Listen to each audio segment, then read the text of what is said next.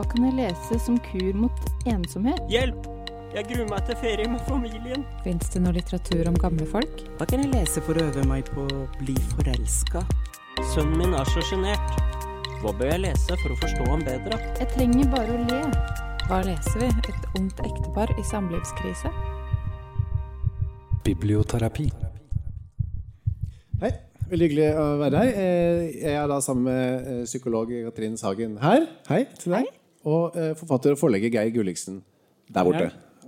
Velkommen til dere. Takk. Jeg, jeg går bare løs på brevet, for vi skal jo eh, ta utgangspunkt i et brev som er sendt inn eh, med en bønn om hjelp. da. Kjære biblioterapeuter. I dag framstilles gjerne bonusfamilien med mine, dine og våre barn som den reneste idyll. Vi snakker ikke om sted lenger, men om bonusmor og bonusbarn for å signalisere noe positivt som kommer i tillegg. Jeg kjenner meg på ingen måte igjen i dette. For jeg har rett og slett store problemer med å takle min samboers barn. De er hos oss annenhver uke, og for å være helt ærlig gleder jeg meg stort sett til at de drar, og gruer meg til de kommer. Jeg prøver ikke å irritere meg over deres uvaner, men heller å spille rollen som raus og forståelsesfull bonusmor. Og jeg vet selvsagt hva jeg burde tenke og føle, for barn er naturligvis på ingen måte ansvarlige for situasjonen vi er i. Men på innsiden raser det av forbudte følelser og ulovlige tanker. Hvorfor klarer jeg ikke å like disse barna like godt som mine egne? Hvordan håndterer jeg min beksvarte samvittighet? Finnes det litteratur som tar opp det jeg står i? Hilsen stemor. Vi kan vel røpe at svaret på det siste fins litteratur som tar opp det. det svaret på det er ja. ja, ja. Og det skal vi komme godt, godt tilbake til. da. Eh, og noe av poenget, Vi skal jo altså gi trøst til innsender om ikke å være alene med disse tingene. Og kanskje også gi noen råd eller eh, forslag til strategier. Og kanskje noen eksempler på man kan, hvordan man kan forholde seg til dette. På gode og litt dårlige måter. da. Ja, Gå innom begge. ja, absolutt. Men kan vi ikke begynne først, Katrin, siden du er psykologen. Hun snakker om uh, det raser av forbudte følelser og ulovlige tanker.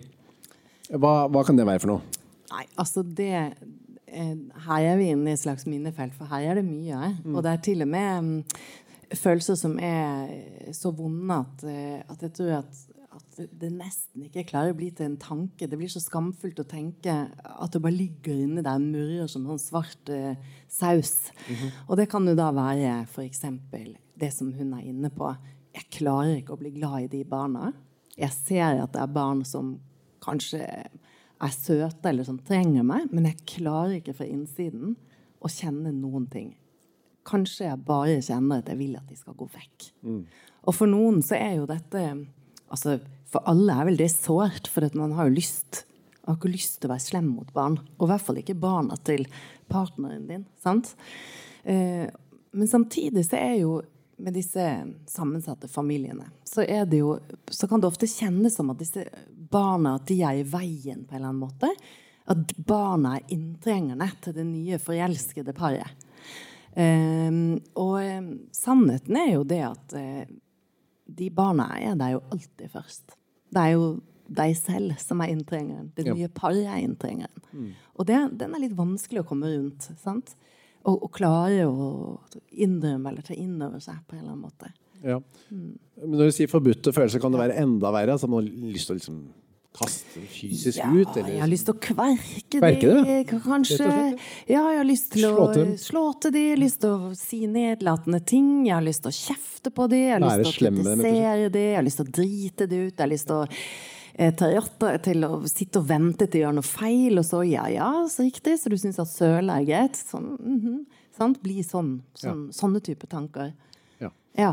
Eh, Geir, kan du, du har jo også noen bonus eh, Du er jo litt sånn på innsiden dette, du òg? Du har ganske mange bonusbarn, eller hvordan er det? Nei, jeg har, øh, jeg har fem egne barn. Ja. Og så har jeg Dette er litt sånn Hvordan skal man si det? Så har jeg hatt en bonusdatter. Ja. Men øh, For hun er voksen, da. Ja. Men jeg har jo egne barn som er voksne òg. Jeg sier jo ikke at jeg har hatt dem. De har jeg jo fortsatt. Ja, riktig. Ja. Du har hatt Men, det? Mm. men, og jeg er veldig glad i Sa jeg stedatter? Jeg tror jeg sa stedatter. Eks-bonusbarnet, da. Ja, ikke sant? Men eh, vi ses ikke så veldig mye. Har du, har du, kjenner du til disse, eh, denne tematikken? Jeg kjenner til alt, jeg. Du gjør det, du gjør det, ja. og, jeg, og, jeg, har tenkt mye på liksom det at uh, jeg, jeg, skulle ønske jeg hadde gjort en del ting annerledes, altså. Ikke sant? Jeg skulle ønske det. Ja. Uh, og det har vi snakket om. Ja, hva da, for eksempel? Nei, det er det viktigste, tror jeg, er det der at uh, nå, nå, ser jeg det overalt. Mm. Nå står det overalt at hvis du har stebarn, eller bonusbarn, eller sånn, eller hvis du er pappforelder, som de sier i Danmark, oh, sier så skal du Det er ikke din jobb å, å oppdra dem. Mm. For det er det foreldrene som gjør. Men jeg dro opp og dro opp og dro opp, ikke sant? Og det det, det, tenker jeg sånn Det er første feil. Hvorfor, hvorfor, er det feil, egentlig? Jeg tror at det ofte blir litt feil. Jeg tror det er bedre for barnet og bedre for den voksne om du liksom skjønner at du har en annen rolle. Sånn, at kan, uh, du kan litt, det, det, gjør nesten litt vondere for det barnet blir rettesatt av uh, at det treffer litt, ofte litt hardere. ikke sant? Du blir mer lei seg. For det den, den, biologiske bufferen eller hva jeg skal si, er ikke der.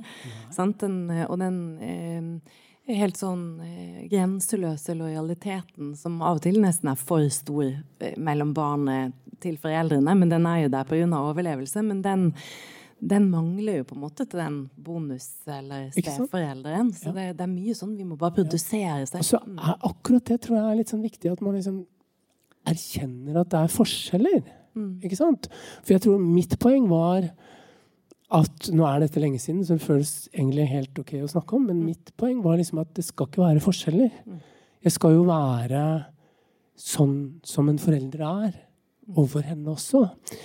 Eh, og det er feil.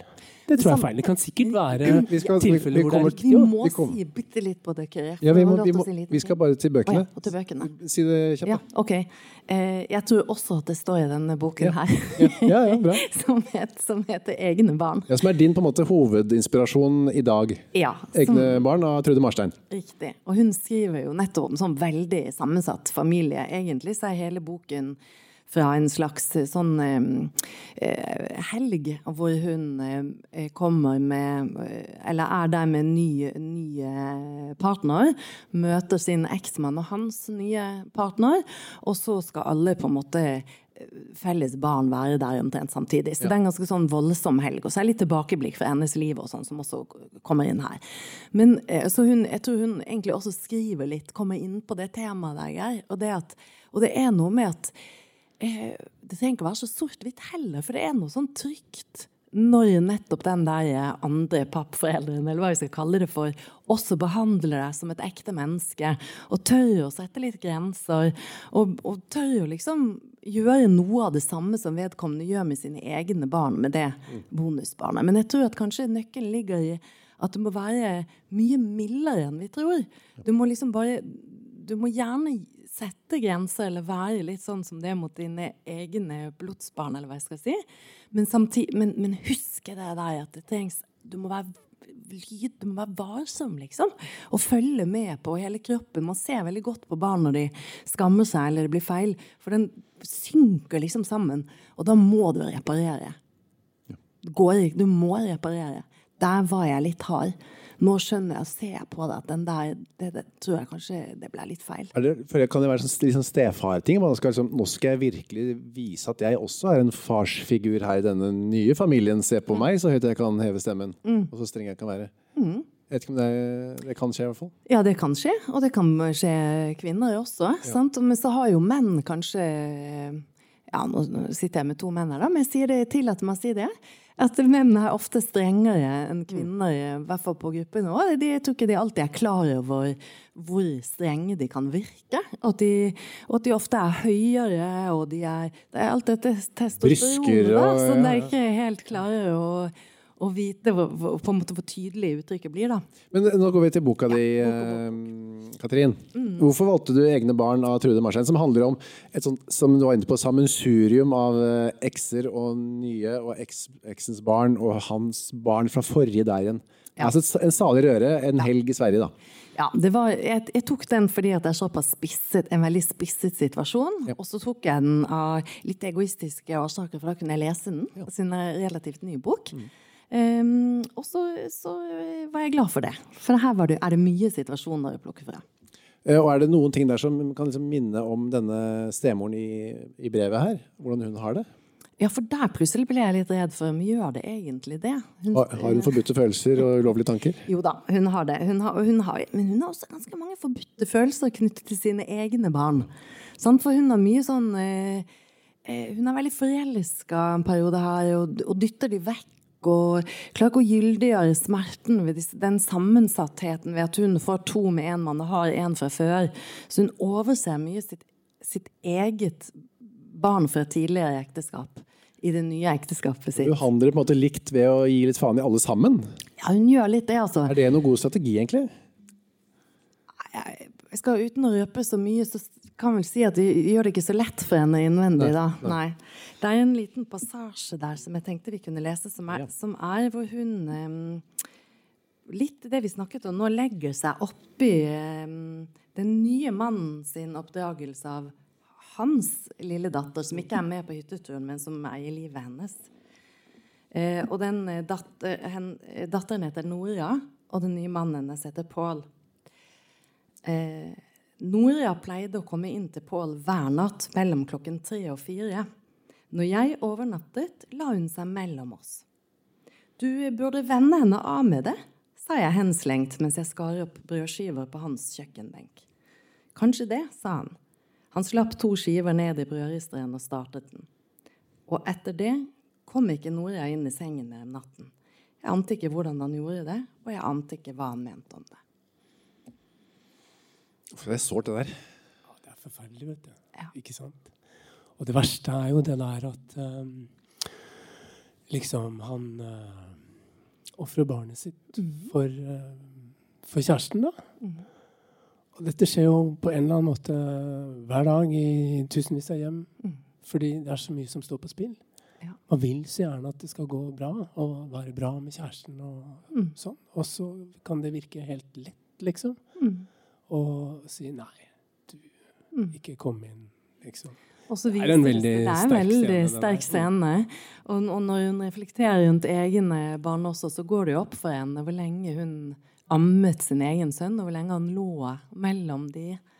Sant? Og hvordan, hvor utrolig streng hun plutselig ble med hans barn. Hvordan den Ja. avstanden blir så lang mellom bonusbarnet ditt og hjertet ditt, på en måte, sammenlignet med, med ditt eget biologiske barn.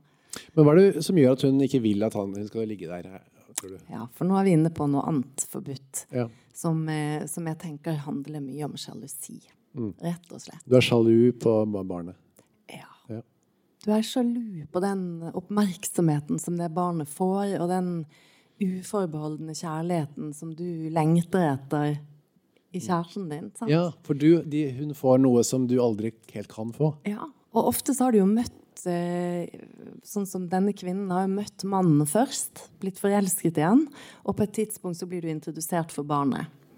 Så eh, i begynnelsen så har bare mannen sett på henne med det myke, fine blikket. Og plutselig så oppdager du Å ja, du ser sånn på en annen nå.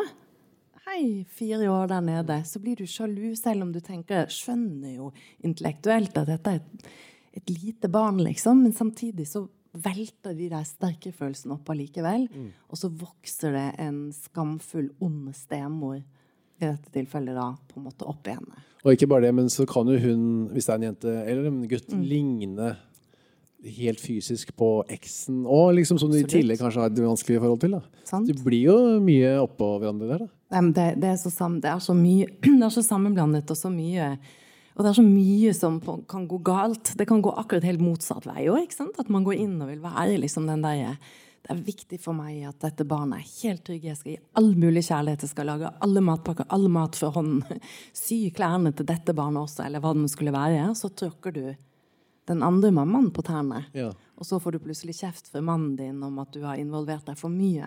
Skal du da begynne å elske det barnet litt mindre, da? Eller hvordan skal du eh, vise respekt til den andre mammaen? Og så er det, men når hun blir sjalu, som du er inne på, så vet hun at det er et barn. Jeg skal ikke bli sjalu. Og det gjør at du på en måte sikkert eh, Det blir en skam oppå det. jeg Prøver å fortrenge det. Nei, jeg er ikke sjalu. Jeg kan ikke være det. Og så baller det på seg, da. Det er, sånn er det jo litt i Sånn er det masse her. Og det der med å prøve å liksom få tak i at Ja, jeg føler meg truet. Jeg, føler, jeg er redd for å miste mannen min sin oppmerksomhet. Det er det ingen som sier her, på en måte. Ikke rett ut, vel? Ikke rett ut. Nei, nei, men de sier ting hele tiden. Ja. Ikke Ja. sant? Og det fins en annen mann her som er en sånn som gjerne vil være den som vil ha stedatteren. Som gjerne vil liksom Men klarer det jo ikke helt, antagelig. Eller det er liksom Det er eh, ja, det er, Dette er jo uhyre vanskelige saker, ikke sant? Kanskje noe av det vanskeligste som finnes. Er, det, kan jeg lese en liten til? ja, ja. ja. Mm. Den, eh, den er liksom litt sånn omvendt vei, på en måte. Hvor um, denne kvinnen har jo da um, um, skilt seg en gang Nei, det, er det har ikke, spiller ikke så stor rolle hvor i historien vi er. Det er lett å rote Ja, litt det er litt, mange, mange par og mange historier. Mm. Men det er i hvert fall Hun har nå på dette tidspunktet en kjæreste som heter Bjarne. ja, vi er litt, Nå har vi gått tilbake i tid, ja. Ja, nå har gått Ja. litt tilbake i tid. Og så har vi, har vi en sønn som heter Falk. Og han eh, Falk, han eh, prøver nå å Dette er den første kjæresten, tror jeg, hun har etter hun har gått fra pappaen til Falk. Sant? Så det er scenen. Så det er liksom eh, Ja. En gang Bjarne var hjemme hos meg mens Falk var der, hvisket Falk til meg at Bjarne gjerne måtte hjelpe ham med leksene. Og da han skulle dusje, sto han i boksershortsen i døren inn til stuen, der Bjarne og jeg satt og drakk et glass vin, og sa Det er det samme hvem som vasker håret mitt. Han var åtte år og på en måte for stor til at det ble oppfattet så søtt som det egentlig var. Det var altså noe litt barnlig og påtrengende i det, litt grenseløst. Jeg tror ikke Falk egentlig ønsket en så rask involvering. Han ville bare si fra at dette aksepterte han, og var villig til det som eh, Det skulle ikke stå på ham, en erklæring om samarbeid på grensen til det selvutslettende. Jeg sa til Falk jeg tror ikke Bjørn har så lyst til å hjelpe deg med lekser nå. Eh, han har jo tre barn der hjemme selv, og han har nok mest lyst til å sitte og snakke med meg og drikke litt vin. Falk bet, seg, ble, bet i blyanten med leppene, trukket vekk fra tennene og nikket. Det er så vondt. Det er så misforstått, sant?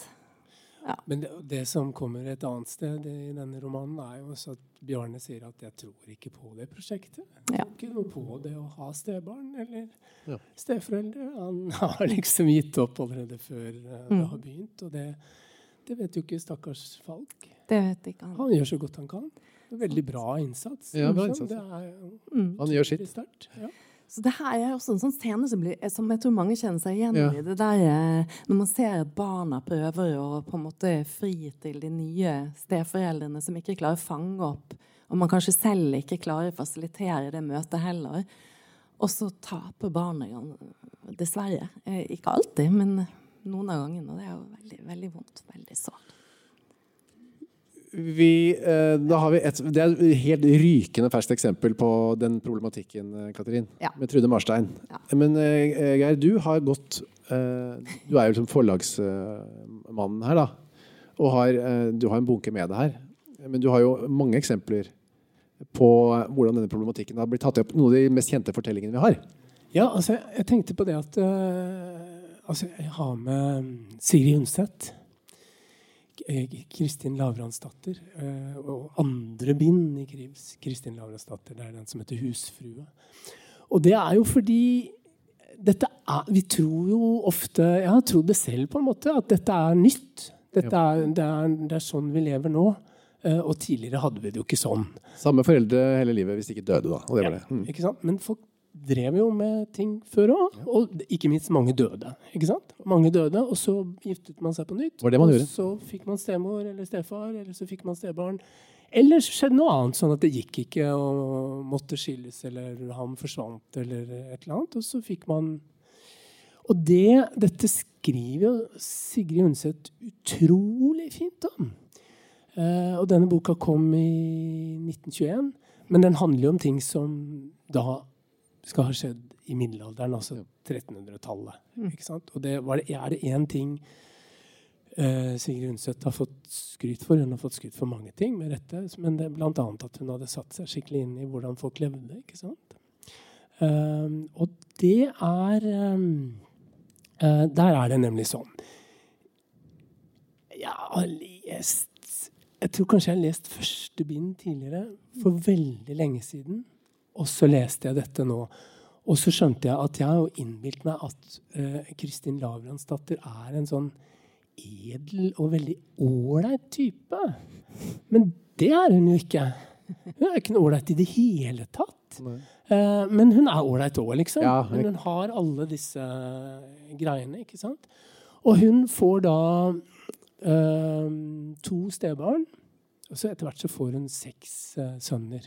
Fordi Erlend, som hun gifter seg med etter mye om og men, har to barn fra før av. Ja. En datter og en sønn, da. Ja. Og så gjør hun noe veldig bra først, da, fordi at uh, de bor jo ikke med han. ikke sant? De bor hos noen, satt bort på en gård. Og så, og så tar hun liksom initiativ til at de kan komme og bo hos dem. Og i hvert fall, i hvert fall sønnen. Fordi han har en sønn og en datter, og hun elsker den sønnen. Og hun kan ikke utstå den datteren. ikke? Eh, og sønnen er liksom Hun tenker sånn Det er et sånt barn jeg kommer til å få med Erlend. Hun er vel gravid når hun møter han første gang? er det ikke Ja, det? stemmer. Ja. Eh, men, men eh, det med datteren er jo helt eh, Kan jeg lese litt? Ja, ja, ja. ja. Fordi hun heter Margaret. Og det Da tror jeg vi- må tenke Når man leser sånne ting som dette, så må man tenke at uh, her er det Det fins en forfatter. Uh, og så er, er fortegningen lagt inn i hodet på Kristin. ikke sant? Så det, hun har liksom sin sannhet. Men jeg tror kanskje forfatteren skjønner noe som hun selv ikke skjønner. Da. Uh, og da går det sånn Hun kunne ikke gjøre for det. Orm elsket hun som han skulle vært hennes eget barn. Orm er sønnen. Ja. Stesønnen, da. Men det var umulig for henne å bli glad i Margaret. Hun hadde strevet og strevet og ville true seg til å like barnet. Hun syntes selv at det var forferdelig. Kunne hun føle en slik uvilje og vrede mot en liten mø på ni år? Og hun visste godt at noe kom det av at barnet var så skremmende likt sin mor. Hun skjønte seg ikke på Erlend.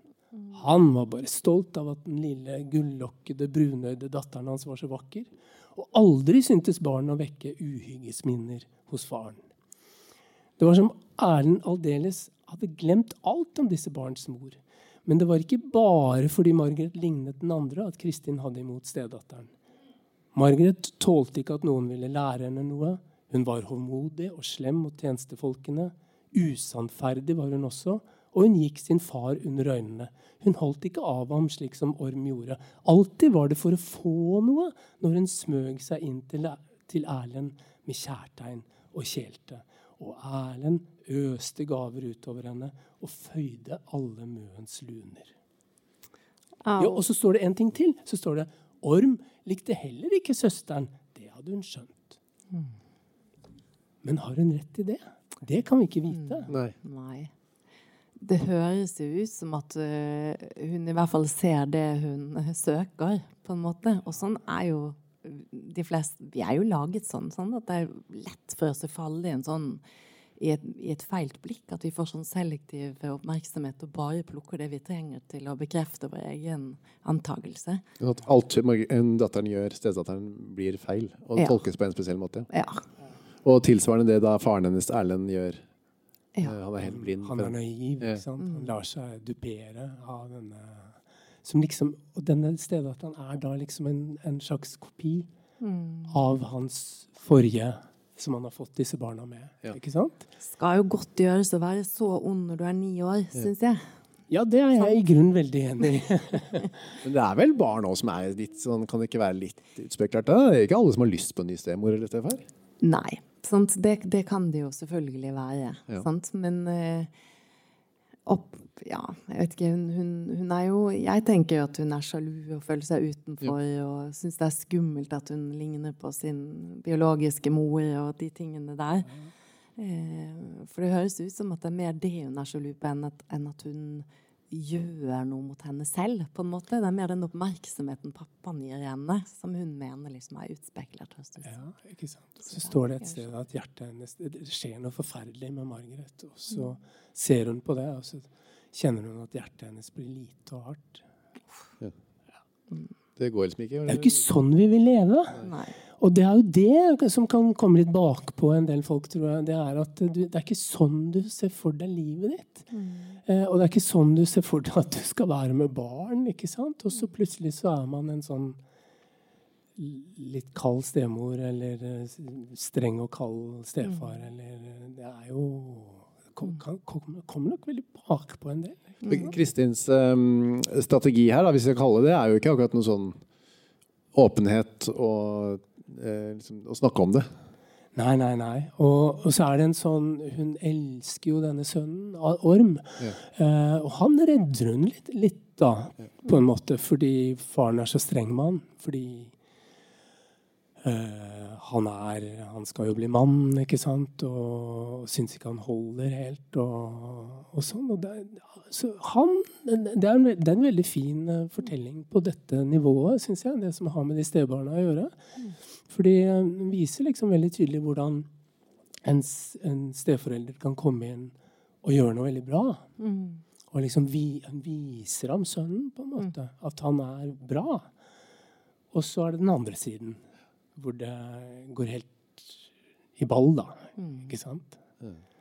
For det, det er jo nettopp det at vi, at vi Nå har vi jo snakket veldig mye om det vonde, og det tenker jeg vi gjør også fordi at hun innsenderen skal kunne kjenne seg igjen og ikke føle seg alene. Og mye av løsningen er jo vanskelig for oss å gi. Sant? Så det, noe av det handler om å, å lese bøker som handler om temaet, og kunne kjenne seg igjen i noe, og kanskje også føle seg litt flink på steder, tenker jeg, men så ille er i hvert fall ikke jeg. Ja, ja. Ikke sant? Eller at man kan få litt mer sånn oversikt over sin egen smerte og føle seg gyldiggjort av andres opplevelser som de kan, man kan finne i bøkene. da.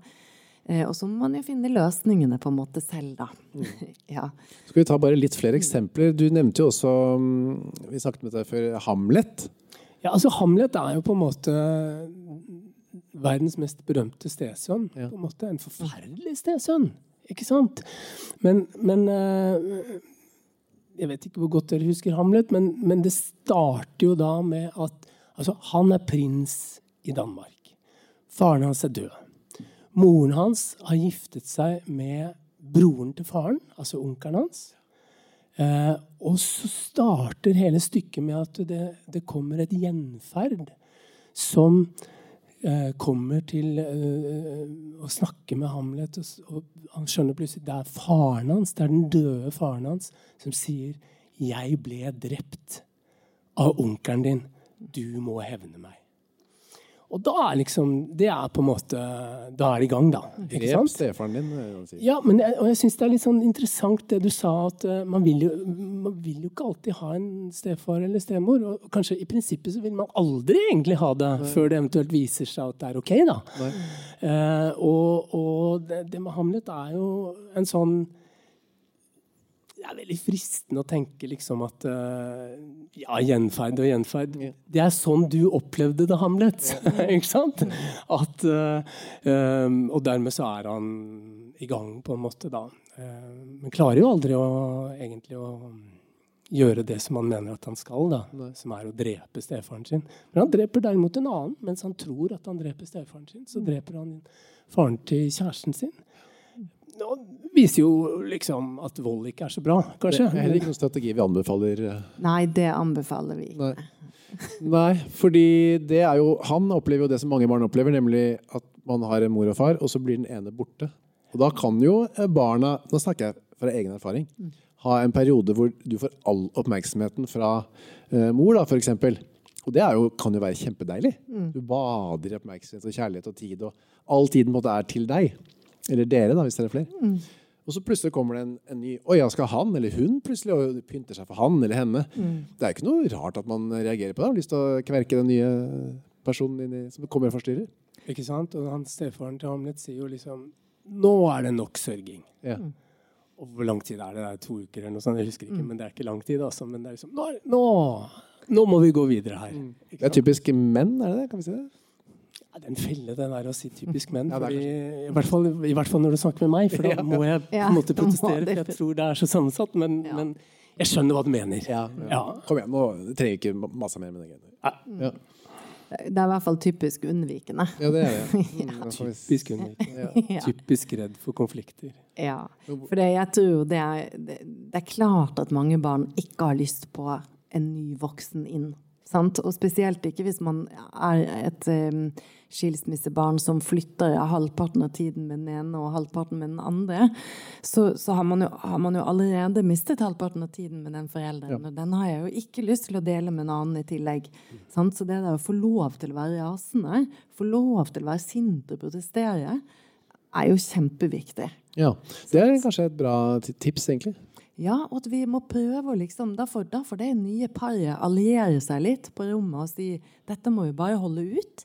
Eh, det blir bedre, det kommer til å rase over, for det gjør det jo. Og spesielt hvis vi klarer liksom gyldiggjøre det sinnet som, som ikke nødvendigvis handler om deg som er ny inn, men tapet, tapet av den andre forelderen, på en Ja. måte. Hvordan Sant? gyldiggjør man sine, Katrin?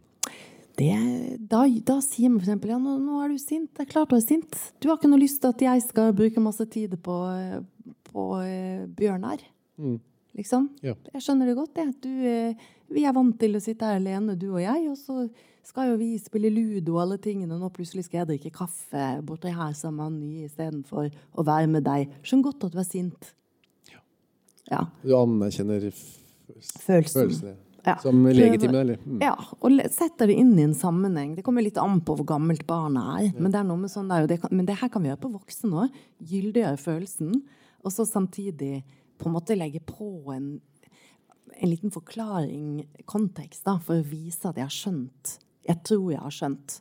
Og hvis du bommer, så er ikke det så farlig. Det er ikke sånn at du manipulerer det barnet eller voksne til å, og, å føle akkurat det du selv sier. Da får du, da får du korreks. Nei, det er ikke sånn jeg føler. Nei, riktig. Ok. Nei, da bommet jeg. Ja, jeg er sint fordi at jeg ikke kan komme inn til deg på natten. Jeg tenkte ikke på ludoen. Nei. Ja, men det skjønner jeg at du er sint på. Det ligger jo en annen fyr i sengen min. Ja. Ja. Og så er det liksom det. Det er jo gyldiggjøre det. Å møte og la, la, la sinnet få lov til å være der istedenfor For vi sier jo ofte sånn Alle følelser er lov. Og når sint kommer, så sier vi det er jo ikke noe å være sint for. Så er det ikke lov allikevel. Nei, for det blir- så bråker det så fælt. Ja, det er anstrengende. anstrengende. Men det er jo, dette forutsetter jo at barnet bruker sinne. og Det er mange barn som har andre strategier òg. Blir stille eller tar det innover og, og later som ting er bra, nettopp for å gjøre liksom, ting smoothere hjemme. da. Litt sånn som han Falk her i den scenen vi leste i sted, Ja. som bare står der, og som nok føler seg veldig avvist, og, og kanskje ganske lei seg. Sier OK og går tilbake på rommet sitt. Eller dusjer, vasker håret alene. Da blir det mye usagt oppå hverandre i samme rom. Ja, for da skal du både ha det vondt, og så på en eller annen måte skamme deg fordi du føler Ja. som du gjør, i tillegg. Det gjør da både stemoren og eh, stebarnet. Eller faren. Men det er jo litt sånn fint, tror jeg, når man er voksen, å liksom huske at en barndom er veldig kort. Ja. Og det er lett å si. Men, for det virker jo som det varer evig. Ja. Ikke sant? Skal vi ha det sånn bestandig? Og det, ikke sant? det å være den der voksne som har kommet inn, eh, er jo et veldig rart liv, på en måte. Eh, man kan ha det helt fint med det, men man kan ha det vanskelig med det også. Men det går jo ufattelig fort, altså. Det er noe med det, og det er noe med den der uttak av verdenslønn som foreldre lever veldig mye på. Vi får liksom ikke takk, og vi blir ikke sett i det arbeidet vi gjør i den på en måte kjærligheten. Ikke umiddelbart, men det, på en eller annen måte får vi det gjerne igjen litt senere på et eller annet sted fra barna. Eller bare i form av at barnet blir trygt og mestrende og autonom og går ut i verden, så er det på en måte takken vi får.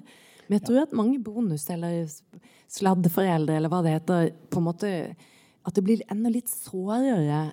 Fordi at, at den biologiske får liksom alltid litt takk og anerkjennelse, bare fordi at det, det gjerne er litt mer klemmer, litt mer myke blikk.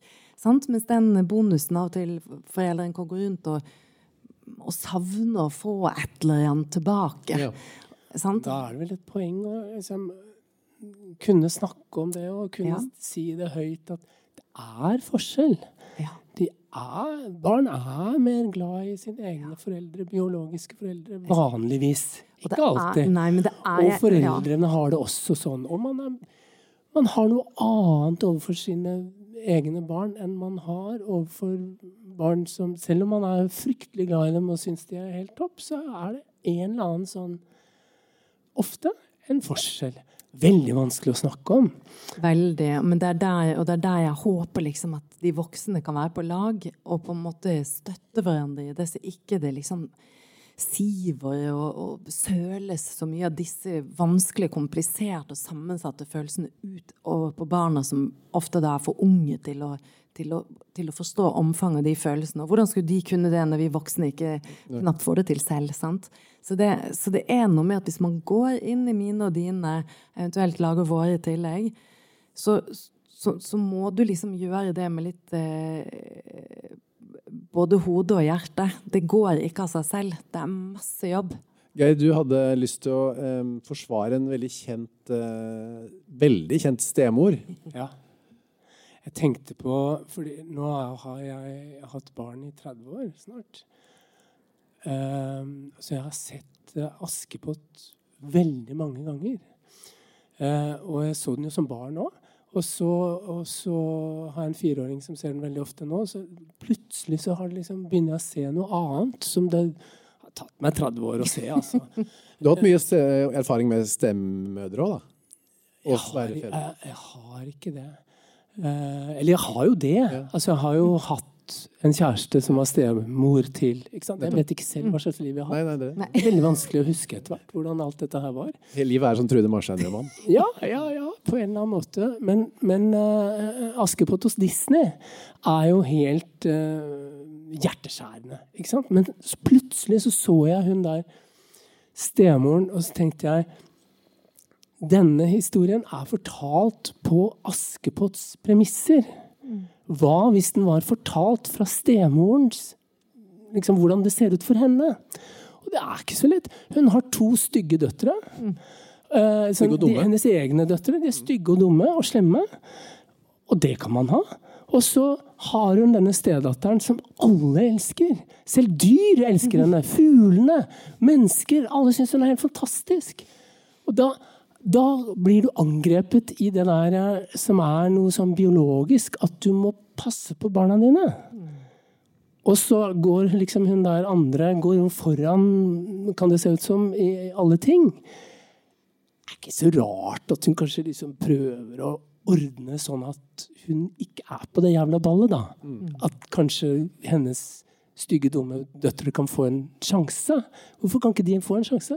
Plutselig så tenkte jeg jeg skjønner henne lite grann. Jeg skjønner henne plutselig. Ja, Det var litt gøy da du sa det, for jeg har ikke tenkt på det sånn. Har du det, Katrin? Nei, jeg har ikke tenkt på det I sånn. forsvar for den onde stemoren? Det er veldig spennende å se det sånn. Men, Så finnes det andre stemødre som er verre. Snøhvit. Snøhvit. Altså, det, det er jo noe annet. Det er den klassiske sjalusien, ikke sant? Det er jo ikke så rart det heller, da, hvis vi begynner sånn. da. Du var innom det. Så skal du ha Ja, hvorfor kan ikke jeg være den vakreste i landet, Ja, liksom? kommer hun der og skal vokse opp og begynne å danke meg ut? Ja, ja. Jeg har lyst til å drepe henne. Vi har vært inne på det. De tankene er der, de. Mm, Ja, det er gjør det det. faktisk òg, da. Det er jo litt Ja. sånn forskjell. Men. Eller få en jeger til å gjøre det. Ja, hun lykkes jo ikke, da. Nei, Det blir jo heldigvis. 100 Men hun gjør det jo med eplet også, idet hun har blitt en heks. Ja, hun blir. Ja, for det er sånn riktig stem, eventyr nå, ikke sant? Ja. Ja, ja, ja. Stemor og heks det går liksom litt i hverandre de, i populærkulturen. Det er to liksom, sider av samme sak. Jeg har, jeg har med en bok til her, som er den her. 'Stemorens dagbok'. Ja. Og, eh, Av Faye Wilden. ja, og hun skriver en litt sånn Jeg bare, tenkte det passet litt nå. Som er litt annerledes. For hun, hun skriver om dette at det er en, en som har blitt um, stemor. Og hun, det, det er i hvert fall stemor i den forstand at den andre moren er død. Så det er ikke en eh, halvmor eller bonusmor, men hun har blitt en stemor. Så hun er veldig sånn opptatt av at at jeg skal virkelig prøve å elske de, for de vil jo trenge meg. Og jeg skal sette alt inn for tapet. Men så, men så tenker hun seg litt eh, om, og så er det noe sånn Men, men arketypen har endret seg. Eh, enten jeg ville innse det eller ikke. Nå er den onde stedatteren mye mer vanlig enn den onde stemor noen gang har vært. Det er ikke lenger stakkars fortrengte Hans og Grete som streifer omkring i skogen hånd i hånd nå er den i stedet oversvømt av ensomme, gråtende annenrangs hustruer av annet ekteskap, som skjelver i kulden, og regnet snubler i trerøtter og sitter fast i tistler og torner som kan rive hjertestykker. Hans og Grete derimot, de sitter hjemme i varmen. Det er forferdelig. Mm. Ja. Ja. Nei, det er, ikke noe, det er jo ikke barnemat, dette her. Det har vi, vært, eh, det har vi slått fast nå, føler jeg. Vi har det. For vi kan vi begynne å oppsummere litt nå, da. Eh, hun- hun Stemoren Vet dere når bonus, begrepet bonusmor kom hit til Norge? Jeg sjekka i stad. Ja. 1999 er det første gang eh, nevnt liksom, i avisene. Mm. Da kom det fra Sverige. Som en mm. positiv vri på det, sto det da. Mm. Og det må vi bare dvele kort med før Ja. vi oppsummerer. Mm. At, at det kan det også være. Kan det. det kan være nettopp denne bonusvoksne som kommer inn og er noe annet eh, til det barnet enn nødvendigvis ja, Det kan jo være at man tar faktisk en mor- eller farsrolle også, fordi at den trengs. Eller man kan bare være en kjærlig voksen. Men en voksen, ikke nødvendigvis en kompis, men en voksen som er der og gir noe annet. Ja, for det bonus det ligger så mye i det som vi har vært innom. Det blir så mye forventninger som man kan klarer ikke helt å Ja, Vi må i hvert fall anerkjenne at det ikke alltid det kjennes som en bonus for, for kanskje noen i For systemet. noen. Sant? Så vi skal ikke trumfe gjennom den bonusen. Men idet det blir eller oppleves som bonus, så må vi jo få lov til å høste av det òg. Hvis man får Ja, ja. det. For det kan skje. Det skjer, det jo. Absolutt. Men jeg tenkte på Trude Marstein kan jeg bare Mm. Hun skriver noe veldig fint om, om, eh, om kjærlighet. Mm. Altså om at det er noe liksom Vi må ha litt håp her nå. Mm. Ikke sant? Et kort avsnitt. Ja, ja. Ja. Skal jeg, jeg bare skal runde av før du tar det, Geir, og si Ja. liksom at, eh, som svar da, til eh, innsenderen Er jeg alene? Det har vi bevist nå, er hun ikke. Verdenshistorien er er full av eh, eksempler på det, hvor vanskelig dette er. Og mange syns det er sykt vanskelig. Noen får det ikke til i det hele tatt. Eh, Det kan være noen måter å gjøre det på. Vært inne på det. Mm. Mm. Det blir kanskje ikke så spennende litteratur hvis man skal liksom Man trenger ikke alltid bruke strategiene til romanfigurene, kan vi si. Nei, men det er noe med at alle de der forbudte følelsene, Ja. de finner du i litteraturen. De finner du. Litteratur lever av forbudte følelser. på en Det gjør måte. Mm. Det gjør det. Mm. Men uh, Og det er litt sånn med tanke på at man, man kan, man, hvis man forestiller seg som at uh, to kulturer møtes og skal eh, sammenblandes og finne en slags ny form, som disse gjerne sammensatte familiene er, så er den Trude Marstein-boken har liksom mange scener på forsøket på å få lage en slags felles kultur i familiene. Og så går ikke det så bra, men i noen steder ser de at de har fått til, og det er ganske inspirerende i den forstand at man kanskje i hvert fall kan åp eller bli inspirert av det. da. inspirert, ja. Det er bra, da. Ja. Da kan du lese til slutt, da, Geir. Fra den boka. Det er da Trude Marstein skriver dette. Men veldig ofte vil jeg det, tross all pessimisme og dårlige utsikter. Lage og dele et familieliv. Våkne sammen, komme hjem til noen og bli betraktet på tvers av konstellasjoner og elsket. Elsket for morgenrutiner og hverdagslige behov. For hvordan jeg snakker til barna mine og til hans datter. For hvordan jeg liker kaffen om morgenen og alle karaktertrekk knyttet til dette. Være hel eller være som man er, men ikke alene. Men jeg har jo ingen stødig tro på dette. Ingen elsker noen for alle de tingene, Man kan i høyden godta. Være likegyldig til. Se gjennom fingrene med ting. Og kjærlighet blir ikke så mye større enn det. Kanskje. Vi gir oss der, vi. Men det, jeg syns det var fin, eh, noen fine ord å runde av med. Takk for eh, praten, Geir Juliksen og Katrin Sagen.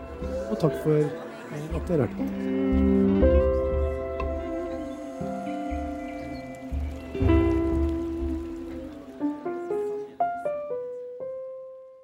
Dette er en podkast fra Deichman, hele Oslos folkebibliotek.